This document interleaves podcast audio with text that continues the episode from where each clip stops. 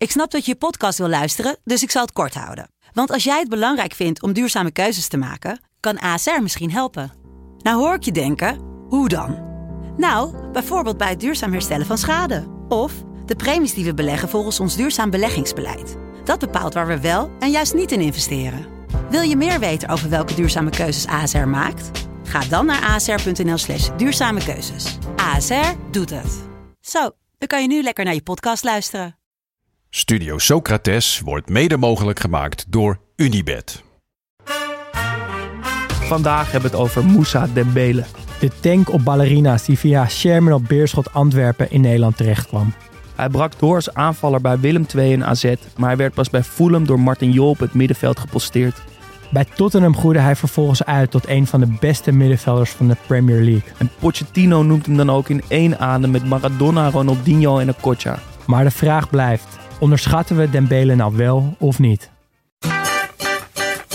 Há muito tempo você está no meu caminho. Como posso esquecer?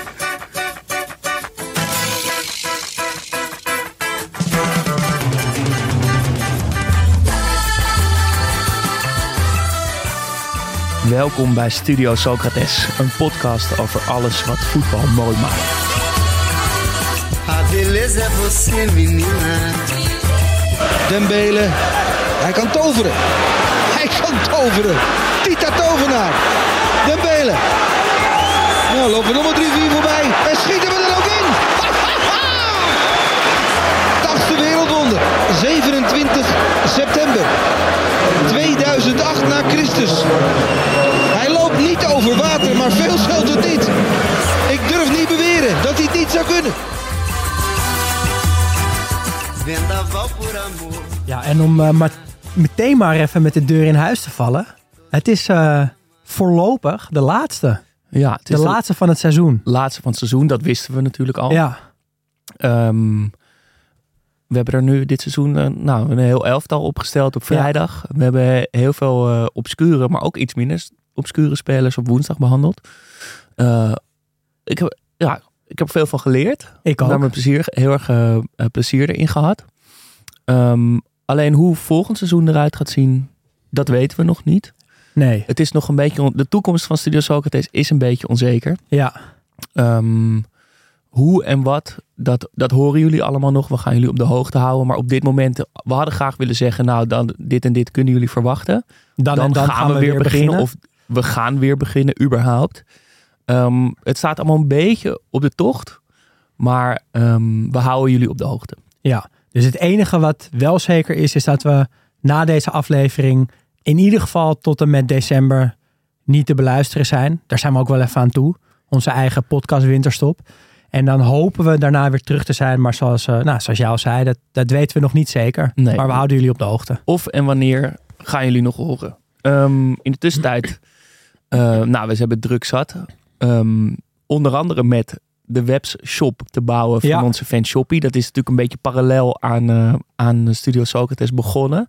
Ehm, en we gebruiken de komende tijd om dat helemaal goed uit te werken. Dus blijf daarvan ook vooral, blijf dat checken. We hebben nu alleen nog een Instagram pagina. Daar verschijnen af en toe nog producten op. Maar ehm daar komt een webshop aan. Binnen Dus een paar weken is hij Houd in, klaar. de, houd in de gaten. Adventshoppie op eh, Instagram.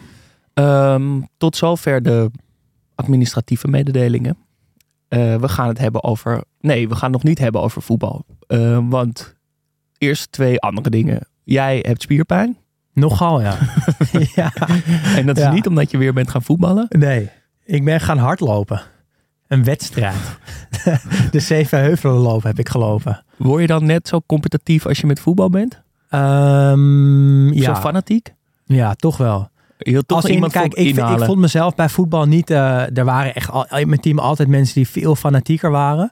Alleen, eh, ik heb wel zoiets. Als ik dan een wedstrijd speel, dan wil ik hem toch ook wel winnen. Dat, nou, daar weet je alles van. Ja, En ik heb ik met het vuur wat er in je ogen ontstaat. En dat heb ik met hardlopen dus ook wel. En dan, dan gaat het niet om te winnen van iemand anders. Maar dan gaat het gewoon... Ik kan niet zo'n wet, me inschrijven voor een wedstrijd... en dan gewoon lekker die wedstrijd lopen. Dat kan Als niet. iemand jou inhaalt, dan, dan wil je hem toch ook gewoon weer pakken. Nee, ik wil gewoon... Het is meer van... Ik wil dan wel zo hard mogelijk rennen. Gewoon jezelf tot het uiterste Ja, pushen. ja. En eh, En is dat Die- gelukt? ja, op zich wel. Die Zevenheuvelenloop is 15 kilometer. En ik liep een gemiddelde van 4 minuut 19 per kilometer. Nou, dat is best wel hard. Ja, zeker als je ook heuvel op moet. Ja, en ik was eh, geblesseerd eigenlijk de twee weken daarvoor. Anderhalf dit is allemaal daarvoor. indekken, Daan. Nou, met die tijd hoef ik me niet meer in te dekken hoor. Ehm, maar het ging, eh, het ging eh, uitermate lekker, dus dat was, dat was leuk. Meteen na afloop zei ik wel meteen, ik ga nooit meer een wedstrijd rennen, want dit is, wat wat de fuck, dit is helemaal niet leuk om te doen.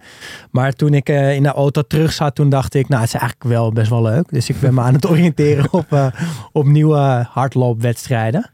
Ehm, nog een leuk feitje is dat ik eh, een bekende rapper tegenkwam bij de Zevenheuvelenloop. Nou ja, tegenkwam, hij kent mij natuurlijk niet, maar ik zag hem in het voorbijgaan. Ik, Wil je raden wie het was? het is sowieso niet hef. Nee, nee, het is niet Hef. Nee, het is Eh, een beetje een eh, oud gediende uit de rap scene. Ehm, een, een gemeenschappelijke vriend van ons, Xander Waller, die luistert er heel graag naar. Ja, die Eh, luistert veel. Ja, die luistert veel naar hef ook, weet ik. Ehm, Hij Is- komt is uit lid- Amsterdam, oh, wel uit Amsterdam. Mm, nee, ik weet het niet. Arbidjan. Oeh, Ja. leuk. Nou, had ik nooit geraden. Ja, ik zag hem staan en toen eh, heb ik hem na afloop even opgezocht op Strava. Om even kijken of, of het hem wel echt was. En hoe snel hij dan gerend had. En het was hem. En? Eh, ja, een stuk langzamer wel dan- dan ik. Eh, maar hij heeft hem uitgelopen. En ik volg hem nu op Strava. Dus ik hou hem nu in de gaten wat hij allemaal aan het doen is. en dat vind ik eigenlijk echt leuk. Ja, Ehm, nou, tot zover jouw, Ja, jouw prestatie. Het is, avonturen. als je dit luistert op de dag dat het uitkomt, is het woensdag 22 november. Ehm, en dat is een belangrijke dag, ja, want je moet gaan Stemmen. ja. als, je, als, je dit, eh, als je het nog niet gedaan hebt. echt we- doen. En we willen ook meteen een oproep doen waar je, waar je op moet stemmen. Ja, op de PVV.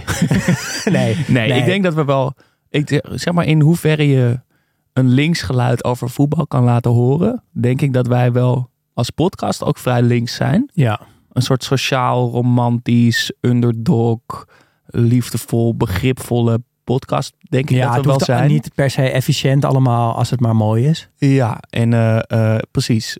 Een soort mooi falen is ook mooi. Ja. Dat, dat voelt dan op een of andere manier meer links dan, dan rechts. Ik ben benieuwd of we luisteraars hebben die rechts stemmen. Maar wij zouden dan bij deze wel willen oproepen om te gaan stemmen. En dan vooral ook om links te gaan stemmen. Ja, dat gaan wij zelf ook doen. Ja, en wij eh, gaan PvdA GroenLinks stemmen allebei. wij voelen ons toch fijner in een land met, eh, met Timmermans aan het roer dan met Wilders aan het roer.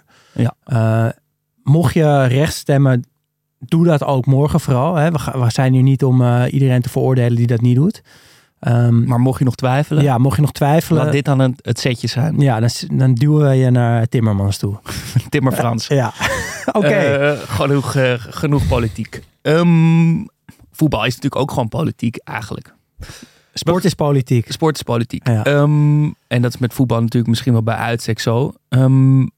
Maar daar gaan we het niet over hebben. We gaan het hebben over toch wel genoemd op internet in ieder geval de naam gekregen de meest onderschatte speler aller tijden. Moussa Dembele. Ja. Jij mocht deze laatste aflevering eh, de speler kiezen. Waarom dan nu Moussa? Ja, het is, niet, het is niet zo dat ik tot het einde gewacht heb om de grote Moussa Dembele eindelijk eh, te kunnen bespreken. Maar ik vond hem toch ook wel weer geschikt om als laatste te pakken. Want ik denk na Ben Arfa en Taraabt is, is Dembele het meest ingestuurd. Toch heel opvallend. Ja, dat vind ik ook wel opvallend. Want waarom nou eigenlijk? Want het is natuurlijk ja, op het eerste gezicht een hele stille Belg. Die op een of andere manier wel in ons voetbalgeheugen gegrift staat. Ehm, en waarom dan? Ja, Ja. om de simpele reden vind ik dat hij gewoon heel goed kon voetballen. Beter dan eh, Andrea Pirlo eh, bijvoorbeeld. Eh, maar er is natuurlijk meer. Want hij, kijk, je, je noemde hem al de meest onderschatte voetballer ooit misschien wel. En dat komt denk ik omdat zijn teamgenoten bestempelden hem bijna zonder uitzondering tot beste speler met wie ze ooit gevoetbald hebben. Ehm, en desondanks wordt hij eigenlijk zelden tot nooit genoemd in het rijtje beste middenvelders ter wereld. Dus er zit een soort van discrepantie tussen hoe goed zijn teamgenoten hem inschalen en de rest van de wereld. Verder is het natuurlijk ook nog interessant, vind ik, dat hij eigenlijk begon als een soort van rechtsbuiten en uiteindelijk op nummer 6 terecht kwam. Eh, en hij heeft een leuk haakje met, ja, met Nederland, met Willem II en met AZ. Ehm, en dat hele, kijk, onderschatting vind ik ook gewoon een heel interessant fenomeen in het voetbal. Want wanneer is iemand onderschat? En in het geval van Dembele, we zullen er straks wat, wat dieper op ingaan. Ben je nog wel onderschat als iedereen zegt dat is de meest onderschatte voetballer ter wereld? Kan bijna niet. Nee, dat Een kan bijna paradox. niet. Ja. Ehm, ja, dat, dat gaan we deze. Dat zal de rode draad van deze aflevering zijn, die onderschatting. En daaraan hangt natuurlijk heel veel vast. Maar eerst voor wie nog nooit van Moussa Dembele heeft gehoord. Ja, van Moussa Sidi Yaya Dembele, want dat is eh, zijn hele naam. Het is een Belgische middenvelder, aanvaller slash middenvelder moet ik eigenlijk zeggen. Eh, hij begon zijn carrière bij Germinal Beerschot Antwerpen, ooit een Belgische talentenfabriek. Eh, bestaat nu niet meer, die club. Eh, hij werd opgepikt door Willem II. Eén goed seizoen bracht hem naar Alkmaar. Eh, veel clubs wilden hem hebben, toen al. Maar hij koos dus voor de weg der geleidelijkheid en tekende bij AZ. Ehm, hij speelde vier seizoenen bij AZ en hij was ook onderdeel van het elftal dat onder leiding van Louis van Gaal kampioen werd van Nederland. Met Mounir El Hamdawi vormde die een levensgevaarlijk duo. Mumu Magic werd het genoemd, toch? Heerlijk als, je Ja. zo'n duo, als een duo ook een bijnaam krijgt. Mumu Magic is toch beter dan K2? Veel Toch? beter. Ehm, na AZ maakte Dembele de oversteek naar Engeland. Niet naar een topclub, maar naar Fulham. Eh, en na een seizoen werd bij die club Martin Jol aangesteld. En het was de Hagenaar die Dembele voor het eerst eigenlijk vast naar het middenveld haalde. Leuk feitje. En dat bleek een gouden set, want een jaar later stond Tottenham voor de deur. Op White Hart Lane groeide Dembele uit tot de ultieme players player. Geliefd door de fans, maar vooral door zijn medespelers. Hij bleef zeven seizoenen hangen in Noord-Londen. Eh, en de laatste jaren van zijn carrière speelde hij in China. En in 2022, kort geleden, eh, hing hij zijn schoenen aan de wilgen. Eh, hij speelde 82 interlands voor België. En hij is geboren op 16 juli 1987. En dus pas 36 jaar oud, zou ik willen zeggen. Nou, wat opvalt van dit rijtje is dat, we, dat Martin Jol dan misschien ook wel de meest onderschatte coach is aller tijden. Met een briljante zet. Hij heeft toch Moussa Dembele ontdekt en Yoon Soek ontdekt. Nou, Ja. ja, ik bedoel maar. Ehm, als ik aan eh, Dembele denk, is toch mijn eerste, mijn eerste herinnering een soort frustratie. Van Willem II herinner ik hem niet zo. Eh, de eerste keren dat ik hem echt leerde kennen, speelde hij bij AZ. Eh, geweldige periode onder Van Gaal natuurlijk. Ze, waarin ze, ze werden derde en ze in 2007 en ze wonnen de Eredivisie in 2009. En als je het ziet, Dembele past er ook mooi tussen, want het is zo'n taai team. Romero, Jalins, Koenders, Moisander, Pocognoli, Mendes da Silva, Paulsen, Schaars, Demi de Zeeuw, Lens, Pelle, El Hamdoui. Het zijn allemaal taaie, moeilijke tegen te spelen voetballers. Ook bijna zo'n elftal wat je in één adem ook Ja. opnoemt. Hè? Ja, ehm, en Dembele is daar natuurlijk, past daar perfect tussen. Want dat is misschien nog wel de taaiste van ze allemaal. En als ik daar dan aan denk, dan... Nou ja, in de- ik keek dat natuurlijk vanuit een Ajax-oogpunt. En verschrikkelijk om tegen te spelen. Gefrustreerd omdat je het niet snapt waarom die zo goed is. En tegelijkertijd ook bewondering dat hij zo goed is. Terwijl je... Ja, ik, zeker die tijd... Ik zag het gewoon niet. Ik begreep het gewoon niet. Nee. Maar ik bewonderde hem wel. Maar ik voel ook frustratie dat hij zo onmogelijk was. Om, je kon er gewoon ni- niet van winnen. Nee. nee maar een b- een bijzinnetje wat je net noemt is, is misschien wel de kern van... Hij lijkt niks speciaals te doen, Ja. maar maakt dat hem niet speciaal. Ja. Eh, voetbal is simpel, maar simpel voetbal is het moeilijkste wat er is. Johan Cruijff. Misschien is dat wel van toepassing op Moussa Dembele. Ehm, dat gaan we zo eh, gaan we dat uitdiepen. M- mijn eerste herinnering is ja, wel grappig op zich. Ik voetbalde bij AFC met een eh, jongen wiens nicht de vriendin was van Moussa Dembele. En dat betekende dus dat hij af en toe op AFC was en dat je dan Moussa Dembele zag lopen. Eh, nou, niet per se starstruck of zo, maar het is toch altijd wel, eh, toen je, als je onder de 18 bent, om, om zo'n profvoetballer in het wild te zien. Dat nog steeds. Ja, is eigenlijk nog steeds leuk en het was toen ook leuk. En wat dan altijd opvalt, is dat voetballers in het, in het echt gewoon niet zo groot zijn. Kijk, ik ben lang natuurlijk, bijna 1, eh, ja, 1,93. Ehm, dus ook groter dan Dembele. Terwijl als je hem op tv ziet, die kracht en dat grote lichaam, dan, kan je, dan, dan geloof je niet dat je zelf misschien wel groter bent dan Ja. Dembele. Ik dat, dat voetballers over het algemeen gewoon hele kleine mannetjes zijn, vertekent gewoon Ja. die eigenlijk normale lengtespelers, die lijken dan heel groot. Precies. Ja, jij bent gewoon groter dan Virgil van Dijk. Ja, Dat, dat kan ik dat gewoon kan niet ja. geloven. En of, of dan Luc de Jong, dat zou ook niet veel schelen. Eh, terwijl als ik ga daar voor mijn gevoel nooit een kopduel van winnen. Maar ja, misschien dan dus wel, omdat ik gewoon groter ik ben. denk niet dat je een kopduel van Luc de Jong gaat een winnen. klein setje. nee, maar dat is, dat, eh, dat, is, ja, dat is waar ik het eerst aan denk bij Dembele. Volgens mij zijn ze ook nog samen. Eh, dat is ook leuk. Ehm, en verder, wat me nog bijstaat is... ehm, het is geen voetbalherinnering, maar ik weet nog wat de eerste keer dat ik hem voor de camera zag bij de NOS. Dat er zo'n hele zachte Belgische stem Dat het niet klopt. Nee, dat klopt helemaal niet. Heb ik sowieso ook wel vaak bij voetballers. Dat je, als je de stem hoort, dat dat, dat, dat niet Nee. lijkt te kloppen. Bij Steven Bergwijn dat hij opeens zo'n hele zware bas in zijn stem heeft. Vind ik ook Cristiano altijd raar. Ronaldo vind ik ook raar. Zou ik ook een beetje een zacht hoog stemmetje verwachten. Ja. Beckham natuurlijk ook een heel raar Ja. stemmetje. Nou, whatever. Ehm, nou, voor AZ en Willem II ehm, speelt hij dus bij Germinal Beerschot Antwerpen. En het carrièreverloop van, van de Belen is opvallend. We zeiden het net al een beetje. Maar dat is nog, misschien nog wel opvallender als je, als je het een beetje inleest in dat Germinal Beerschot. Ehm, dat is namelijk een fusieclub. Die ontstond in 1999 door het samengaan van Germinal Ekeren en Beerschot VAC. Ehm, was een groot, ambitieus project. Werd met veel poeha werd dat eh, gepresenteerd. Het Daar had je er veel van in België volgens mij op een gegeven moment. Ja, toch? Van die clubs die met grote dromen die... eh, ja, die hopeloos eh, ten onder gaan aan hun eigen ambitie. En dat is dit dus ook. Ehm, er werd gewoon meteen geroepen, ja, dit gaat Antwerpen weer op de voetbalkaart van België zetten. En het gaat België ook weer op de voetbalkaart van Europa zetten. Ehm, er ging, nou, de- uiteindelijk lukt dat dus niet, maar een paar dingen lukten wel. En dat was een talentenfabriek opzetten. Ehm, er daar kwamen er veel vandaan. Ehm, alleen dat mocht niet helpen. In 2013 gaat de club eh, failliet. Waren meerdere redenen aan te wijzen waarom het nou niet werkte. Een van de oorzaken waar mensen het niet helemaal over eens worden. Ik heb veel artikelen zitten lezen wat dat, hoe dat nou precies kon. Maar daar raakt men in België niet helemaal over uit of de samenwerking met Ajax, die er vanaf het begin af aan was, Ja, want daar ken ik die nou- club van. voordelig was of onvoordelig voor de club. Dat het goed was voor Ajax, dat staat eh, buiten kijf. Veel goede spelers, hè? Ja, ze hadden vanaf het begin af aan een, een eh, belang van 30% in de club. En later zelfs een nog groter aandeel. En het zat zo een beetje in elkaar dat Germinal Beerschot zou profiteren van de ervaring van Ajax op het gebied van die opleiding. Tahamata wordt bijvoorbeeld aangesteld als jeugdtrainer. Eh, en Ajax steekt geld in die club, waardoor het En dan mogen Ja. de beste talenten mogen Precies, Amsterdam en in ruil daarvoor mocht Ajax eh, elk jaar eh, uit die talenten kiezen.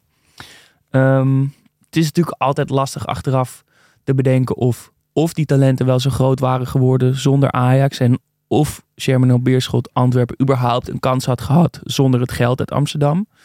Ehm, maar het pakte in ieder geval goed uit voor Ajax. Ehm, Jan Vertongen, Toby Alderwereld, Tom de Mul, Jelle van Damme, Thomas Vermalen, Mats Rits. Allemaal maken ze de overstap begin jaren 2000 naar Amsterdam. En Ajax verkoopt ze uiteindelijk ook bijna allemaal weer voor veel geld eh, door. Ehm, Maar geen Moussa Dembele geen Moussa. Dembele. En dat is heel gek. Vertongen en Vermalen gaan in 2003 naar Amsterdam. Alderwereld en eh, Tom de Mul gaan in 2004 naar Amsterdam. En die gekke Moussa kiest in 2004 niet om met zijn leeftijdsgenoten, teamgenoten, vrienden mee naar, naar Ajax te gaan. Maar gaat ook naar Nederland, maar dan naar Willem II.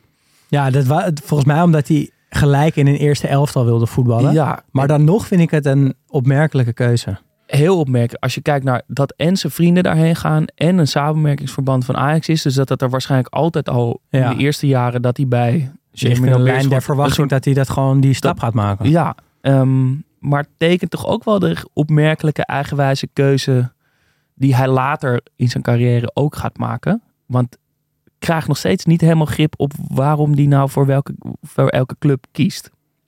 Ehm, en dat heeft misschien ook wel, is wel een van de oorzaken misschien wel voor die collectieve onderschatting. Ehm, Ja, want vertel. ja, daar willen, we, het- daar willen we het over ja. hebben. En ik wil het er ook graag over hebben. Want zeker nadat hij gestopt is, wordt hij een beetje gecultiveerd als de meest onderschatte speler ooit. Als je hem nu googelt, krijg je heel veel filmpjes en foto's en artikelen met in ieder geval het woord underrated ergens in de titel. En ik vind dat een gevaar. Ik ben het daar, of hij nou onderschat is of niet, maar hij wordt zo neergezet en ehm, die hele carrière rest van weg Ja, en dat heb je natuurlijk bij veel spelers. Dat er een, een hele carrière, loopbaan van bijna 20 jaar wordt samengevat in, in één beeld of één actie of één woord of één goal of één wedstrijd. Ehm, en dat is, dan valt er nuance weg. Dat is denk ik een reden ook dat wij met Socrates, dat, dat wij überhaupt Socrates maken. Dat we in een seizoen lang oude wedstrijden gaan terugkijken. Zijn gaan terugkijken om met het idee van, nou, was het wel echt zo? Ja. En hoe speelden ze nou eigenlijk? En gaf Zidane niet ook wel eens gewoon een verkeerde paas? Het antwoord was ja. Het antwoord was, was ja. Zidane verspeelt ook vaak de bal. Sven van Beek scoort niet elke wedstrijd in zijn eigen goal. Caresma schiet ook wel eens met zijn binnenkant. Ehm, er mislukt ook wel eens een dribbel van Ronaldinho. Dat soort dingen, dat, dat is gewoon belangrijk om, om genuanceerd te blijven en het breder te zien. En daar wordt het ook menselijker en mooier. Ehm, en dat is dus iets waar we, ja, ik vind dat we moeten strijden tegen die mimificatie van, van eh, spelers. En zo'n etiket moeten we dus onderzoeken. En dat bij Moussa Dembele is dat waarom die dan onderschat is en of hij wel onderschat is. En Ja. natuurlijk zit daar een kern van waarheid in. En dat is bij al die spelers die tot een zo'n meme gemaakt worden, zit er natuurlijk altijd een, een kern van waarheid in. Maar het is zoveel meer dan dat. En waar komt dan bij hem die onderschatting vandaan? En is het wel zo? Wij hebben denk ik in het onderzoek nu naar Dembele vier factoren kunnen Ja. aanwijzen die we nu gaan bespreken waarom Dembele onderschat wordt. Ehm, dat is motoriek, veelzijdigheid, zijn carrièreverloop en als nummer vier de statistieken van zijn eh, loopbaan. Die gaan we nu alle vier langs. Maar voordat we daarmee beginnen, willen we de vraag beantwoorden. dat Ja, ik wierp hem al even op. Ja, Ja. Als iedereen iemand onderschat vindt, is iemand dan nog wel onderschat? Ehm, onderschatting betekent uiteindelijk dat iemand niet genoeg gewaardeerd wordt. Maar als we met z'n allen zeggen dat Dembele hoger ingeschat moet worden, dan wordt hij toch juist wel heel erg gewaardeerd. En ik zou dus willen zeggen dat ieder geval nu hij gestopt is, misschien niet meer onderschat wordt. Maar dat, het, dat die onderschatting meer gaat over het beeld wat er tijdens zijn carrière over hem heerst. Ja, dus jij zegt eigenlijk van toen hij nog voetbalde werd hij hopeloos eh, onderschat. Ja, En nu die gestopt is, zien mensen van een afstandje zien Ja. ze eigenlijk hoe goed hij echt was. ja En wordt hij dus niet meer onderschat. eigenlijk wel. Ja. En misschien is het ook een beetje mode en klinkt het ook lekker om gewoon iemand te bestempelen als de meest onderschatte speler ooit. Ja, Ehm, is natuurlijk een lekker haakje, een lekkere gimmick. zeker. Het maakt het Ehm, makkelijk voor de mensen. Maar eigenlijk had je het moeten zeggen terwijl die nog speelde. Ja. Nou, ik weet op dit moment in de aflevering nog niet waar ik Dembele moet plaatsen. Zeg maar op, op de schaal van, van topmiddenvelders ter wereld. Eh, kijk, ga, hij, hij, hij zit ergens natuurlijk gewoon in een rijtje met spelers als Xavi, Casemiro, Rodri. Eh, als, als dat zo is, hè, dan is hij nu nog steeds onderschat. Ja. Want Hij Ik- wordt nooit in dat wordt, rijtje Nee, genoemd. hij wordt nooit in het rijtje genoemd. Eh, als dat niet zo is, dan is hij misschien wel ongeveer in die... Nou, in, in het boek der middenvelders staat hij ergens op pagina 2 of 3 of zo. En, eh, en staat hij eigenlijk op de goede plek. Dus dat wil ik een beetje gaan... Dat, dat Ja. wordt mijn doel deze aflevering. Is van, het absolute Ja. top of is het net daaronder? Ja, of nog iets daaronder. Nou, laten we beginnen bij motoriek. Ehm, ik denk dat motoriek sowieso vaak iets is wat ons zand in de ogen strooit. Zowel positief als negatief. Volgens mij hebben we het daar ook wel vaker over gehad hier Zeker, in de podcast. ja. Dat, dat Pogba bijvoorbeeld overschat wordt omdat het er mooi uitziet. Ja, En Donny van de Beek dan als voorbeeld wordt onderschat omdat het er zo hoekerig uitziet. 100 procent. En ik moet zeggen, ik vind Moussa Dembele ook totaal geen mooie motoriek hebben. Hij wordt op internet vaak ook eh, de tank with ballerina feet genoemd. Hij heeft natuurlijk wel zachte voetjes, heeft een hele mooie motoriek. Of zeg maar, de balbehandeling is heel mooi Ja, en, en subtiel en, en technisch heel goed. Maar ik zou niet zeggen dat het nou ballerina voeten zijn. Het zijn grote, zware, logge benen met stampende stappen. Beukt die over dat veld heen. Het meest kenmerkende is dat hoofd in de nek. Dat ziet er Ja. natuurlijk gewoon lelijk uit. Hoge schouders, zijn hoofd naar voren. Ja, ja dat, het oogt gewoon hoekerig en ongecontroleerd. En een soort van te rommelig en doorheen stampend. Ehm, maar dan toch, dat, dat geeft denk ik dus ook een verkeerd beeld. Omdat je dan, als je ziet wat hij dan met een bal doet en hoe subtiel die ook een kleine schijnbeweging, dat hij even met een schouder zakt en daardoor twee man op het verkeerde been zet. Ehm, dat gebeurt heel vaak. Mij hij rent vaak recht op een verdediger af. Die zie je een beetje zo kijken van, oh mijn god, er komt iemand aangestampt. en dan, dan doet hij dus vaak iets heel subtiels. Ja. Zo'n heel klein lichaamsschuimbeweging. Je verdediger het bos, aan, bos in en hij gaat er niet eens langs. Hij gaat er, beukt er gewoon doorheen omdat iemand net een beetje zijn balans verliest. Ja, ik snap wel wat je zegt. Dat, eh, dat het een, meer een tank dan een ballerina is. Eh, daarbij wil ik ook gelijk even zeggen dat de enige echt sierlijke tank is natuurlijk de fluwelen tank. Jouw mannetje, Mijn mannetje, ja. William Carvalho. Eh, maar ik, ik, ben wel iets positiever over zijn motoriek. Ik vind het in beginsel wel mooi, want hij heeft die, die, die arm, zeg maar, die, die, Ja, waarmee, die, eh, ja, waarmee die, die verdedigers afhoudt. Dat vind ik in principe in zijn motoriek wel echt iets moois. Eh, hij Maar je al- kan toch niet zeggen dat hij... Ik bedoel, met die, met, die, met die schouders zo hoog en die kop naar voren en die grote stappen. nee, kan maar toch ik, niet zeggen dat het... nee, maar ik zie dus wel een paar sierlijk, sierlijkheden in die motoriek. Ja, ja. Wat kleinere dingetjes, wat fijnere dingetjes. En een ervan vind ik dus die hand. En het andere wat ik mooi vind is dat hij vaak, als hij de situatie echt onder controle heeft, dat hij een klein hupje heeft voordat hij een passeerbeweging inzet. Dat vind ik ook echt heel mooi. Alleen uiteindelijk gebeurt het ook heel vaak dat, dat, ja, dat het wat minder sierlijk wordt. Dat het gewoon lichaam erin is, schouderduw vallen, opstaan, de bal beschermen.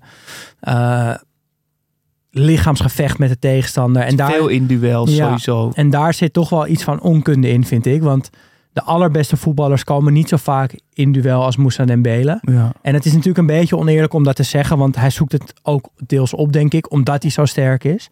Hij kan zijn lichaam inzetten juist om de bal te beschermen. Eh, maar ik zie toch ook wel vaak momenten dat hij zijn lichaam gebruikt om iets te corrigeren. Ehm, dus in het grote plaatje ben ik op punt 1 het wel met jou eens dat die motoriek deels voor onderschatting eh, zorgt. In het geval van Dembele. Maar ik wil nog wel ietsje verder gaan.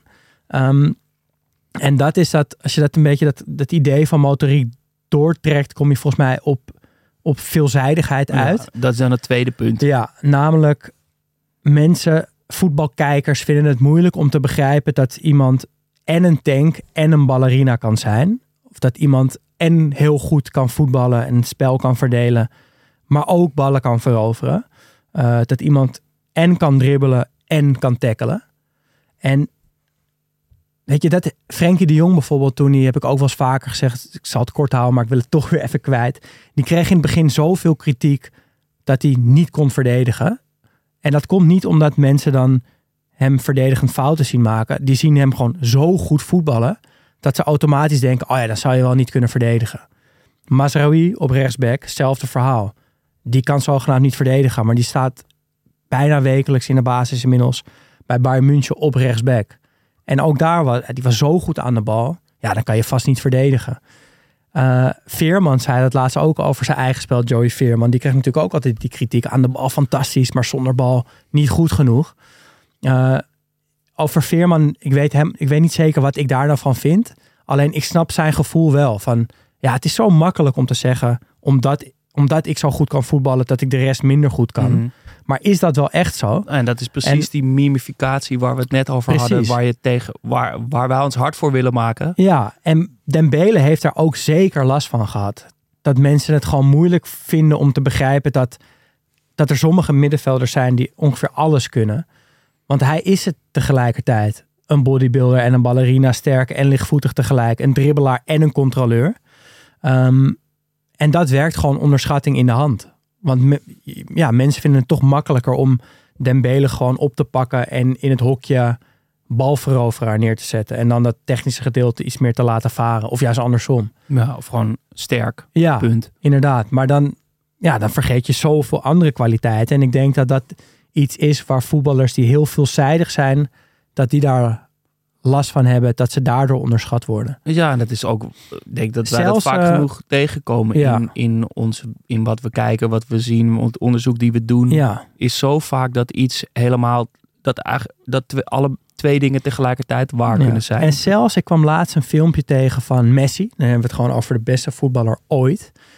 In dat jaar dat hij 91 doelpunten in een kalenderjaar maakte, had iemand op Twitter had een compilatie gemaakt van alle momenten die ook heel goed waren buiten die 91 doelpunten. ja. Dus gewoon steekpaasjes, acties.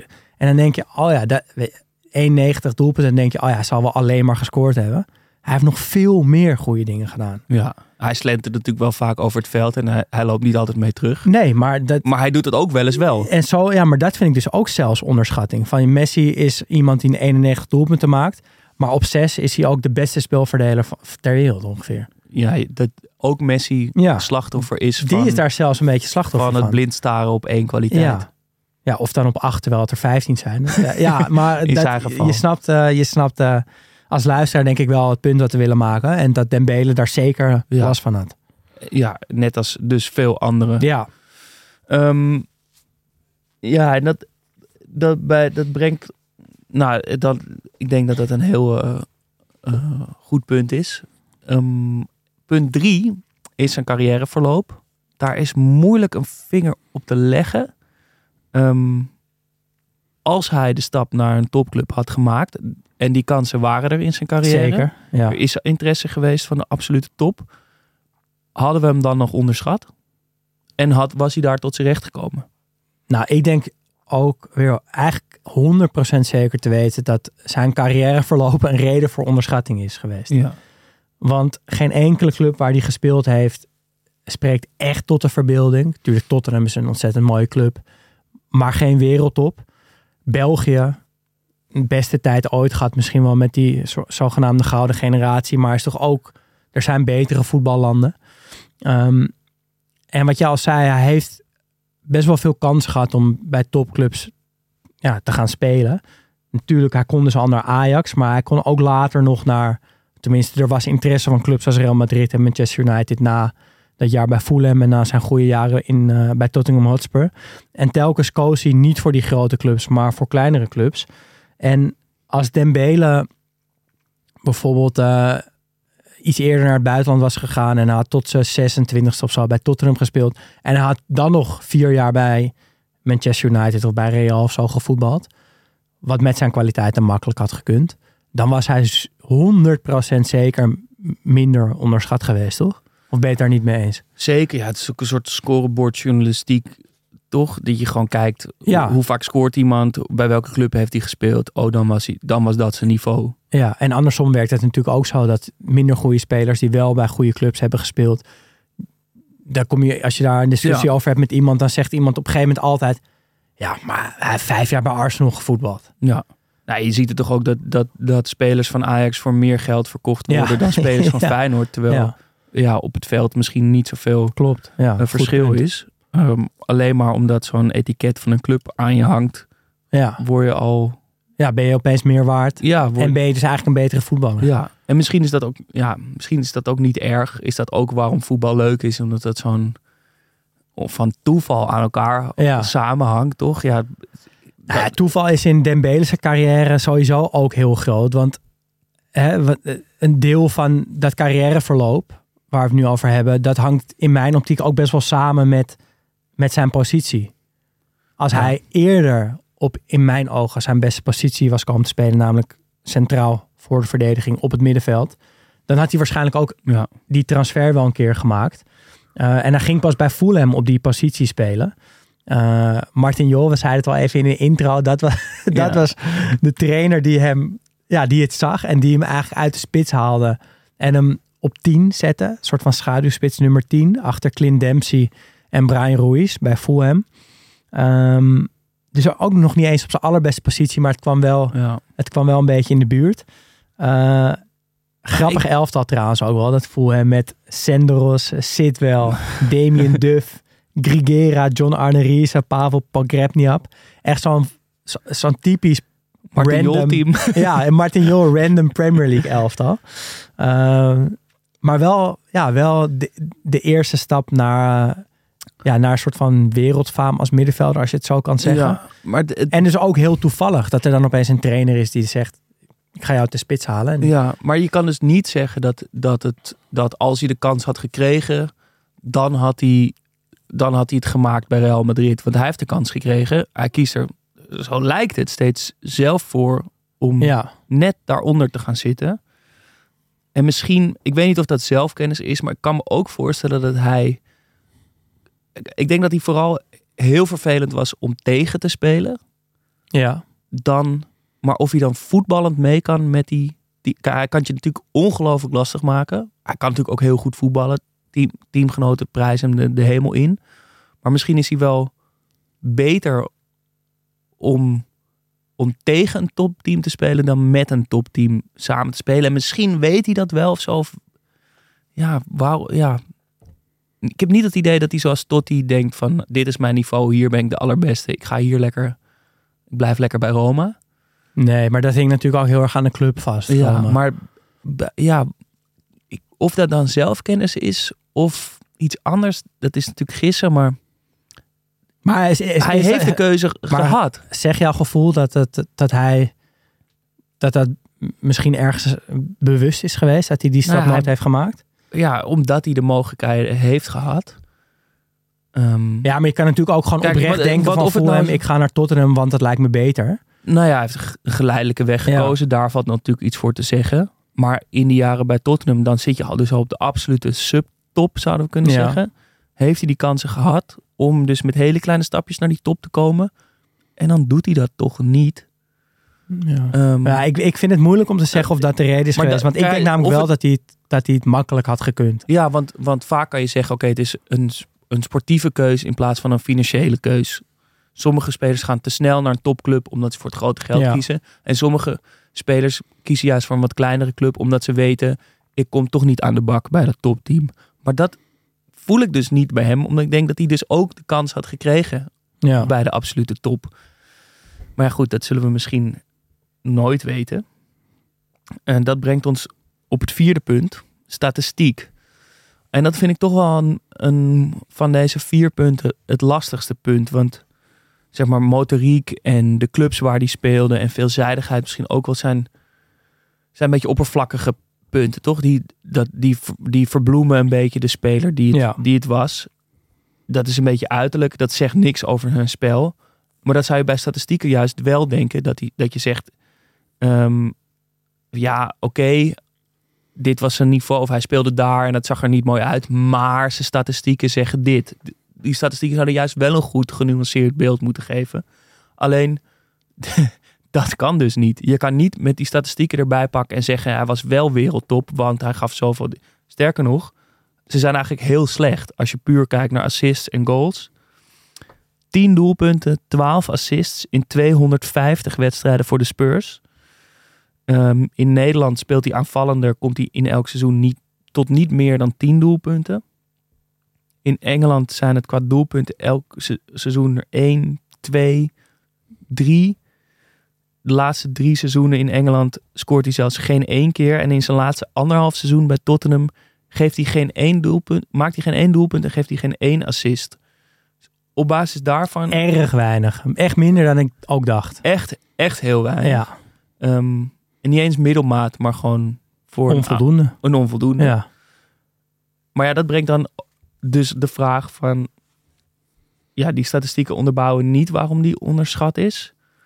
Ehm, maar misschien is hij door de... Ja, hoe moet je dat zeggen?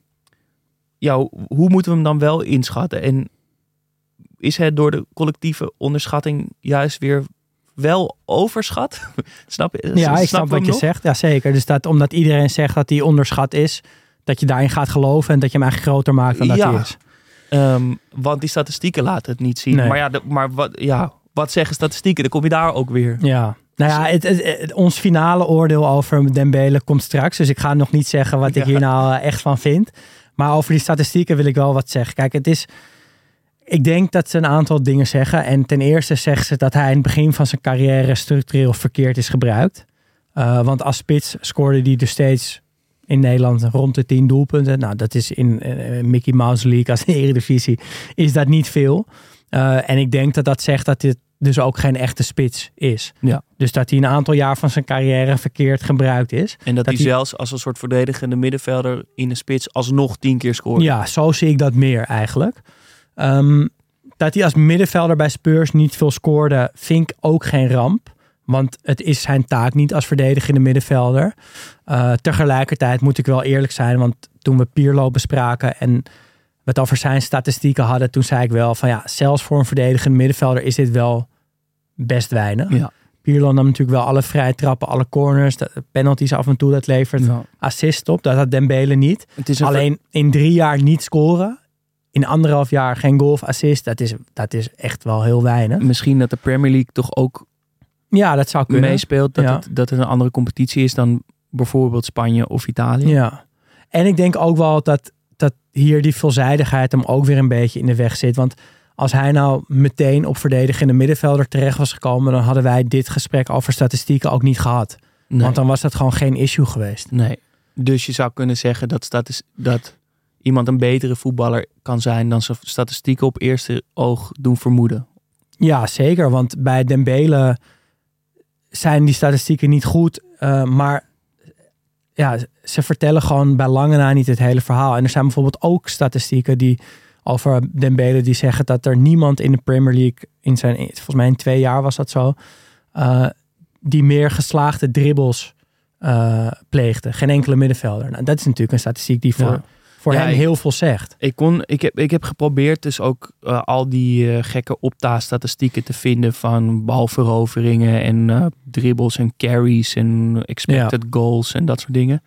Daar kwam ik niet helemaal uit. Dus ik dacht, nou, misschien kan ik het dan vergelijken. Nou, ik heb, ik heb, ik heb gekeken naar de statistieken van Xavi. Ik denk dat die niet onderschat is. De beste verdedigende middenvelder ter wereld. Ik denk dat we daar redelijk unaniem Xavi over eens kunnen zijn. Dat, dat Xavi de beste op die positie was. Ja, Ehm, dus ik dacht, nou, wat zeggen zijn statistieken dan? Want daarover zijn we het eens. Die was de beste. ja. Ehm, meeste doelpunten in één seizoen van Xavi, 10. Ja, Voor een een middenvelder is het veel. Is het veel, maar ja. als je het Hij speelde vergelijkt... natuurlijk ook vaak voor Busquets, dus Ja. dan was hij ook weer niet de allerverdedigende. eh, en qua assists, ja, het is wel echt beter dan Dembele, maar het scheelt ook weer niet zo heel veel. Er zitten vier seizoenen bij die echt uitschieters zijn. Dat scoort, hij- geeft hij tussen de 11 en de 23 assists in die vier seizoenen. In de rest van zijn carrière gemiddeld 5, 6, soms 7 per seizoen. Ja. Dus ja, ook dat, ik bedoel, dat is dan echt de aller, aller, allerbeste. En zoveel beter zijn die statistieken dan ook niet. Kan je natuurlijk ook weer heel veel comma's achter zetten. Want een ander team, andere competitie, speelde betere aanvallers Ja. voor hem. Dat soort dingen.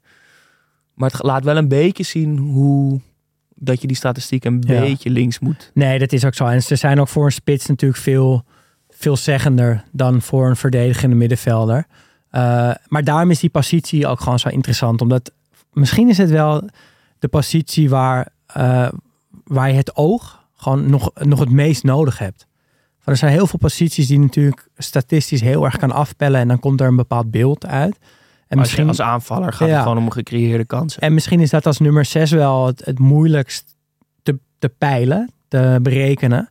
En heb je gewoon het meest je oog nodig. En houden daarom misschien wel echte, echte voetballiefhebbers, puristen, eh, wel het meest van die positie of zo. Omdat het ook zo moeilijk te vatten is. Ja, omdat het gewoon bij een beetje, ja, toch een beetje Nou, wat- gevoel is, moeilijk vast te grijpen.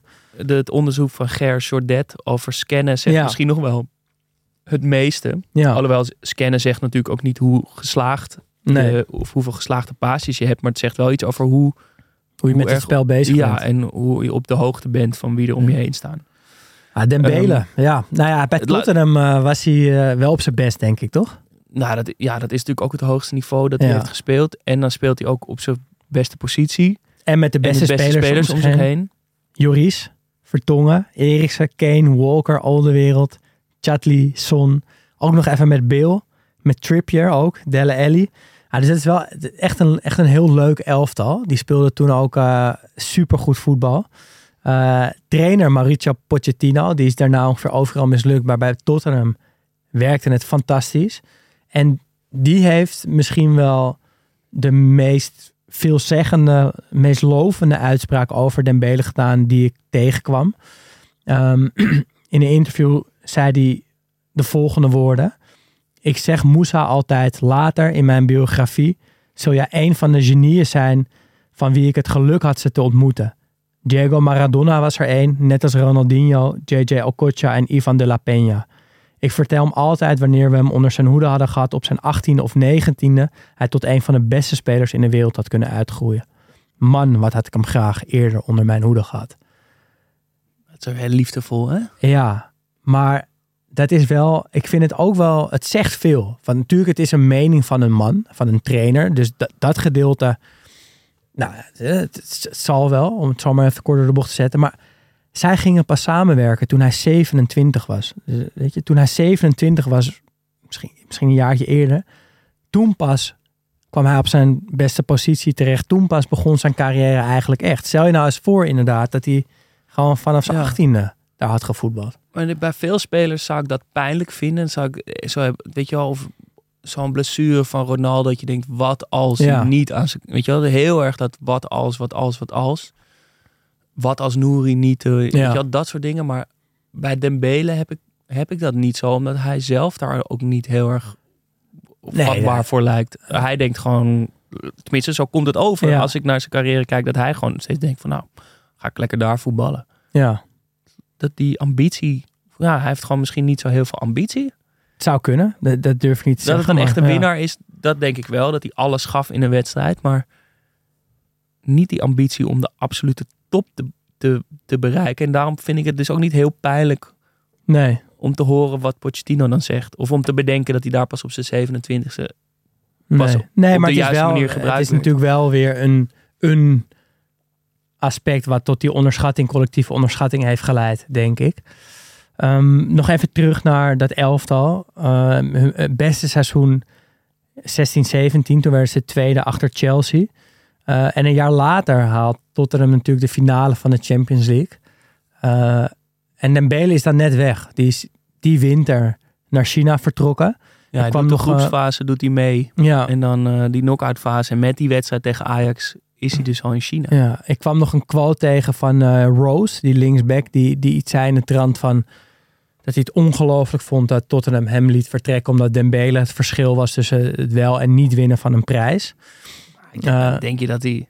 nee, ik vind het te makkelijk, want hij is er vijf jaar geweest en toen hebben ze ook geen prijs gewonnen. Alleen ja, maar het geeft wel weer aan hoe belangrijk hij was in de ogen van zijn teamgenoten. Ehm, Ja, en dat En- het raar is dat hij weggaat in die winter. Dat is gek. En dat hij dan naar China gaat, is helemaal raar. Nou, hij is de laatste jaren steeds vaker geblesseerd. Eh, hij, hij wilde in een competitie spelen met een lage intensiteit. Alleen ja, om dan voor China te kiezen, ik blijf... Het is hypocriet en naïef ook misschien dat ik dat altijd zo vervelend vind. Want ja, zeg er maar eens nee tegen met al het geld. Maar toch vind ik het gewoon nep. Je bewijst toch dat we weer linkse podcast Ja, zijn. ja. Ehm, Ja. ja. misschien is dat, dat gekke einde van die carrière in China... is ook wel misschien weer een reden voor onderschatting. Dat als hij daarna nog op een redelijk niveau... in een, in een Europese competitie had gespeeld... dat we dat toch ook... dat we hem toch ook hoger hadden ingeschat. Maar omdat hij zo in één keer van de radar verdwijnt... ja. en in dat gekke China... dan, dan ga, vul je automatisch in van... oh, blijkbaar was hij toch niet zo heel goed. ja. Ehm, en Maar ik vind dat hij veilige keuzes heeft gemaakt in zijn Ja, ik- carrière. kijk, dat, ik, ja, ik kan het niet helpen. En ik wil er ook geen oordeel over hebben.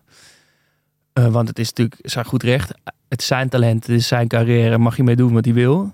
Maar als je, als je toch, als je zo uitzoomt, dan zijn het toch wel heel vaak veilige keuzes in plaats van sportieve keuzes. Ehm, en hij moet het natuurlijk lekker zelf weten, maar. Je baalt er toch ik van, baal ik, ervan en ja. ik weet gewoon niet zo goed of het zelfkennis of ehm, veiligheid Angst. Ja. ja, of, of, of dat dan de reden is voor die, voor die keuzes. Heeft dat denk je ook nog dan die... Heeft, zou het misschien zo zijn dat hij, als hij dus wat meer nou ja, voor zichzelf was opgekomen of wat meer was gaan staan voor zijn voetbalkwaliteiten, dat hij één dus misschien bij een grotere plek terecht was, een grotere club terecht was gekomen, maar ook twee dat hij eerder op zijn beste positie terecht was gekomen? Ja, misschien wel. Dat hij. Nou, hij begint. Ja, hij heeft, op veel posities gespeeld. Eh, spits, hangende spits, 10, linksbuiten, rechtsbuiten, middenvelder, verdedigende middenvelder. Zeker in Nederland hebben we natuurlijk nooit echt goed aan het werk gezien. Ehm, ehm, en, en hij vult die positie dan uiteindelijk, als hij door Jol op die 6 wordt gezet, vult hij dat ook op een hele eigenwijze manier in. Met een soort lopende 6, die in duels komt. In plaats van ja. snel de ruimte ziet en daaruit weet te blijven, wat we eigenlijk gewend zijn. Ehm, en dat, dat, is natuurlijk, dat is ook al gek hoe die die, die positie dan invult. Ehm, bij alle andere verdedigende middenvelders die met de bal aan de voet dat middenveld opdribbelen, denk je van je bent helemaal gek geworden. Je mag die bal daar niet verspelen. Maar bij hem Hij lijkt het risico niet. er ook helemaal Nee. niet te zijn. Ehm, en daarmee weet hij dus ook heel veel ruimte te creëren. Omdat hij dan of iemand naar zich toe trekt. En dat er ruimte ergens anders op het veld ontstaat. Omdat hij erin dribbelt. Of mensen zijn bang om hem aan te pakken. En denken ja, we schermen die ruimtes af. En Ja. hij kan heel ver mee opstormen. Ja, ik denk wel dat hij. ik, wil, ik wil, zou niet willen zeggen dat hij dat die, die positie veranderd heeft. Ik weet, niet, misschien, er waren vast andere middenvelders die dat ook toen al deden. Alleen het is natuurlijk wel. Ja, we zijn zo gek van Frenkie de Jong, omdat hij eh, op, die, op die zes positie durft te dribbelen. Eh Kovacic heeft dat natuurlijk ook heel erg, maar Dembele had dat ook. En het is wel echt een geweldige kwaliteit op die positie. Hij was zo balvast. Eh de dribbelen erbij dan en dan ook nog goed ballen kunnen veroveren. Eh, blijf ik het toch het aller, het, het- ja, het meest zonde vind ik dan niet per se dat hij dan niet bij Real heeft gespeeld of zo, maar het meest zonde vind ik dat hij niet eerder op die positie is neergezet. En dat is, eh, ik denk dat daar, Maar knaagt het bij je? ik vind het wel, ja, ik vind het toch, ik, ik had het niet verwacht eigenlijk, maar ik vind het toch wel eigenlijk wel echt jammer, ja. Ja, Ja. het is echt, het is toch, eh, we hebben het wel eens gehad over verspilling van talent. Bij de ene speler voelt dat ja, zwaarder dan bij de andere speler. Bij Dembele ben ik wel met jou eens, voelt het niet zo zwaar als bij eh nou, Iataren bijvoorbeeld. Ehm, dat komt waarschijnlijk omdat hij gewoon een goede carrière heeft gehad en ook als spits eigenlijk best wel naar zijn zin leek te hebben.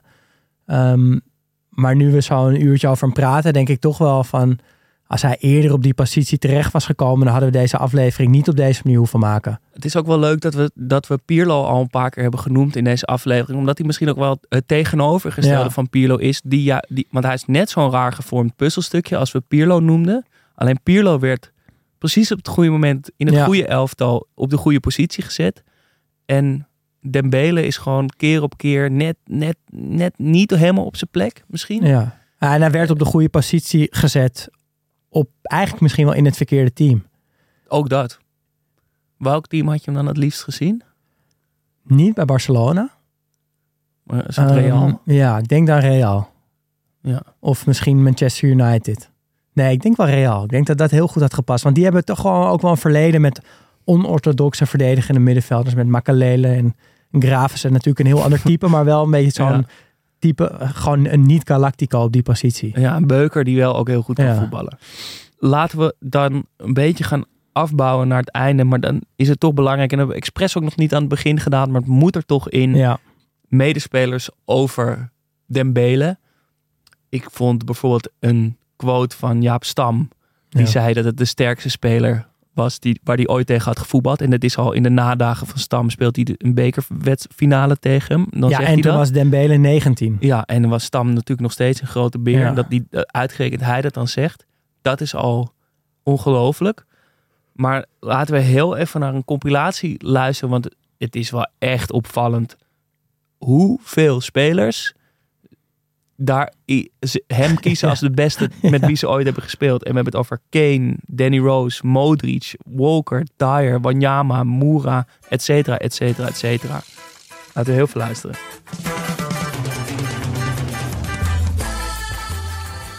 In my opinion, Dembele.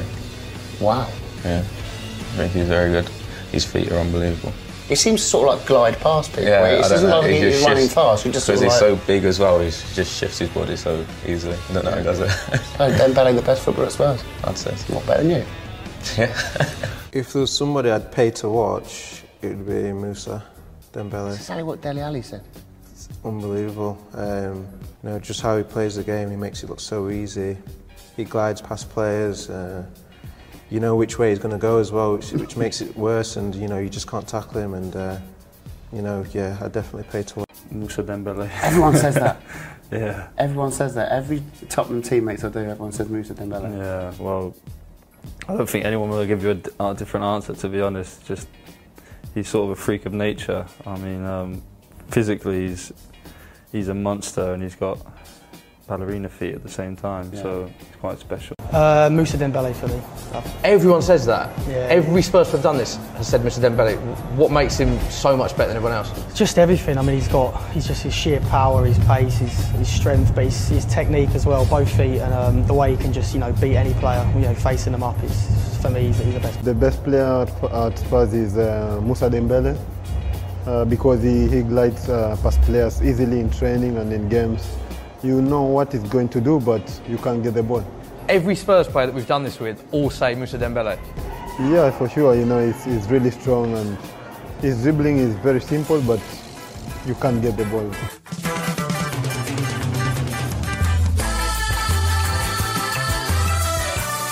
Ja, het, is, het is echt opvallend. Het is ook zo mooi dat die interviewer ook verbaasd is. Dat die, want Really? Ze Moest zijn je gewoon een soort, again? Ja, dat Ja. ze gewoon een soort YouTube-filmpjes aan het maken zijn. En dat hij dat helemaal niet doorheeft. En dat hij gewoon steeds van zijn stoel van...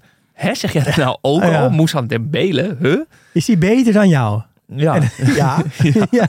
Als ik, als ik iemand zou willen zien... Als ik ergens geld voor zou betalen om iemand te zien spelen... Moest aan Dembele.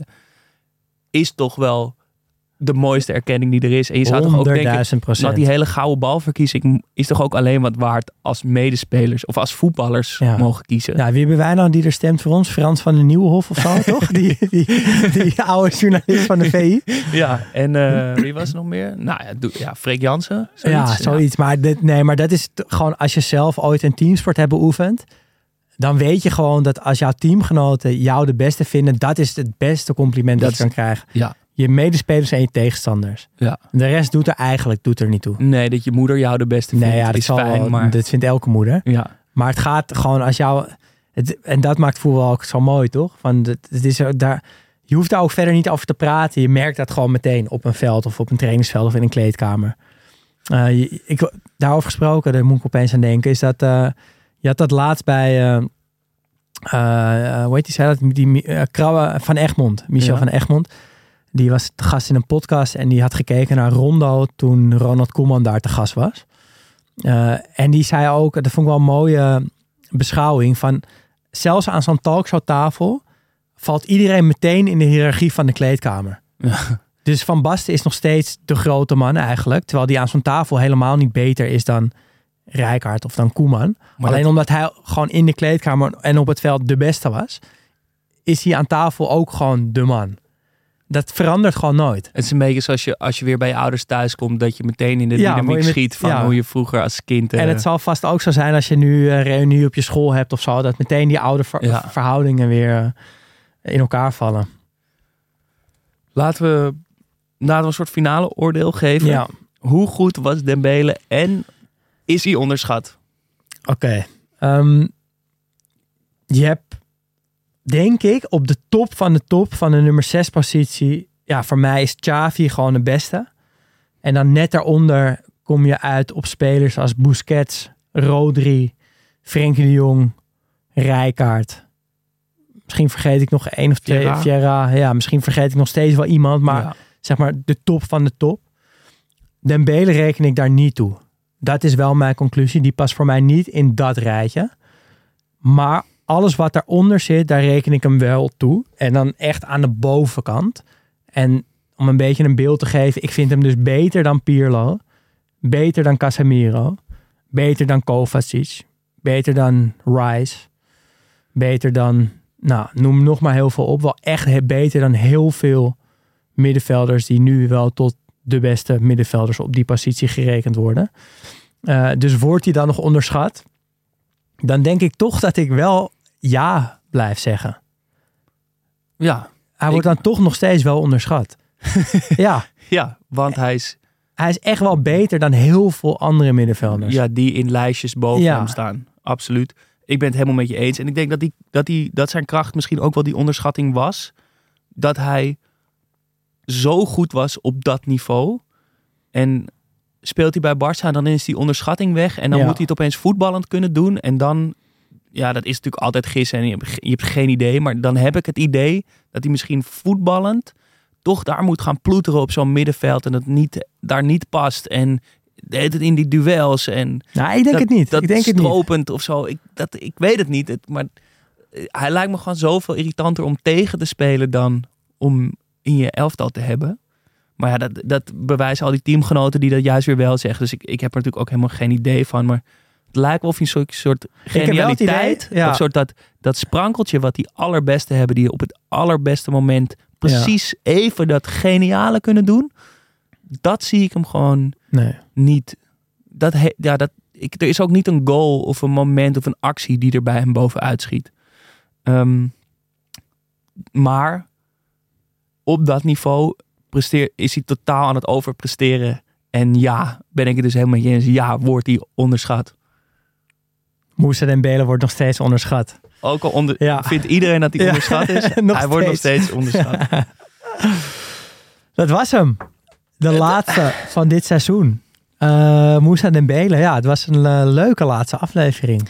En ik ben toch blij dat we hem, eh, dat we hem gemaakt hebben. De aflevering Ja, van dat zou ook, we, we zouden het, ja, we, konden het, we moesten het ook wel over hem doen uiteindelijk. Ja, voorlopig, even voorlopig niet. de laatste. Ja. En hoe en of en wanneer eh, we er weer zijn, dat hoor je op onze Instagram. We houden jullie op de hoogte. Ehm, maar eh, we gaan ons best doen in Ja. ieder geval. En ga stemmen, jongens. Ja, ga stemmen. Echt doen. En links. En links. Zo links. Niet zo links als kan. Strategisch links. We willen Mart en Cariel en iedereen van Afkikken ook bedanken voor dit, eh, voor dit seizoen.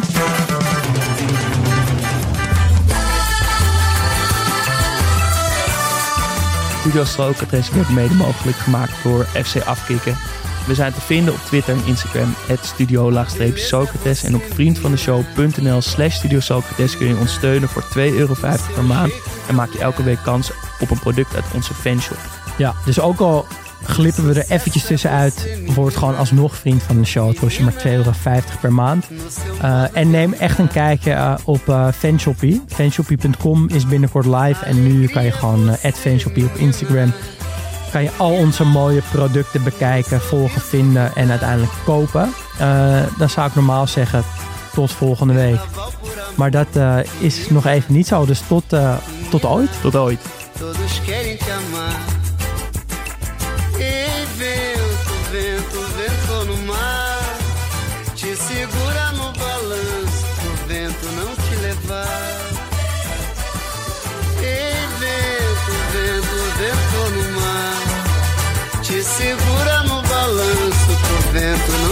Levar.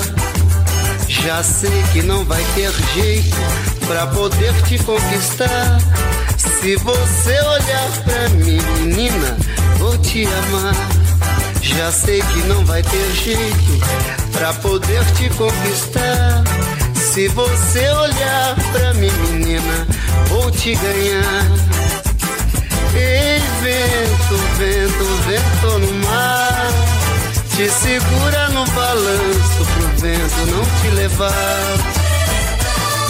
Ei, vento, vento, vento no mar. Te segura no balanço pro vento não te levar. Como posso te esquecer? Não tem jeito.